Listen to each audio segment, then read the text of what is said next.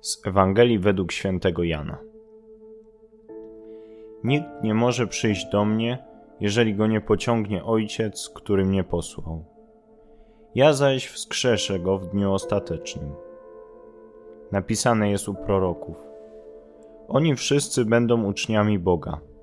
Każdy, kto od Ojca usłyszał i nauczył się, przyjdzie do mnie. Nie znaczy to, aby ktokolwiek widział Ojca, jedynie ten, który jest od Boga, widział Ojca. Zaprawdę, zaprawdę powiadam wam, kto wierzy, ma życie wieczne. Jam jest chleb życia. Ojcowie wasi jedli mannę na pustyni i pomarli. To jest chleb, który z nieba zstępuje. Kto go spożywa, nie umrze. Ja jestem chlebem żywym, który zstąpił z nieba. Jeśli kto spożywa ten chleb, będzie żył na wieki. Chlebem, który jadam, jest moje ciało za życie świata.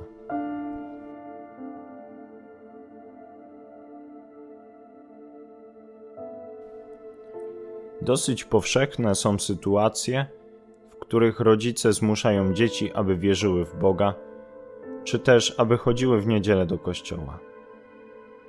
Pewnie jest w rodzicach wiele dobrych intencji.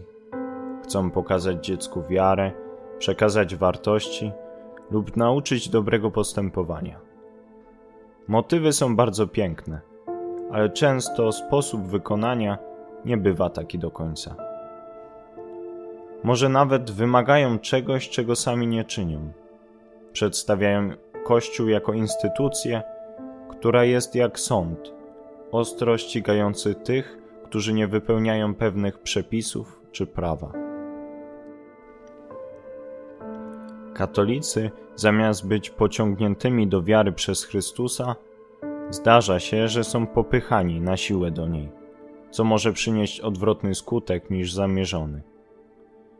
Chrześcijanie są popychani do wiary przez osoby bliskie, opinie, wzgląd ludzki czy tradycje. Warto podkreślić słowa Jezusa z dzisiejszej Ewangelii. Nikt nie może przyjść do mnie, jeżeli go nie pociągnie Ojciec, który mnie posłał. Pamiętajmy, że nikt nie może być nawrócony siłą. Nawrócenie się jest łaską, darem darmo danym nam przez Boga. Często o wiele więcej zrobimy modlitwą za kogoś, czy dobrym przykładem własnego życia, niż rozkazywaniem komuś, aby chodził do kościoła. Pamiętajmy też o wielkim darze, jakim jest Eucharystia. Słyszymy dzisiaj: Ja jestem chlebem żywym, który stąpił z nieba. Jeśli kto spożywa ten chleb, będzie żył na wieki.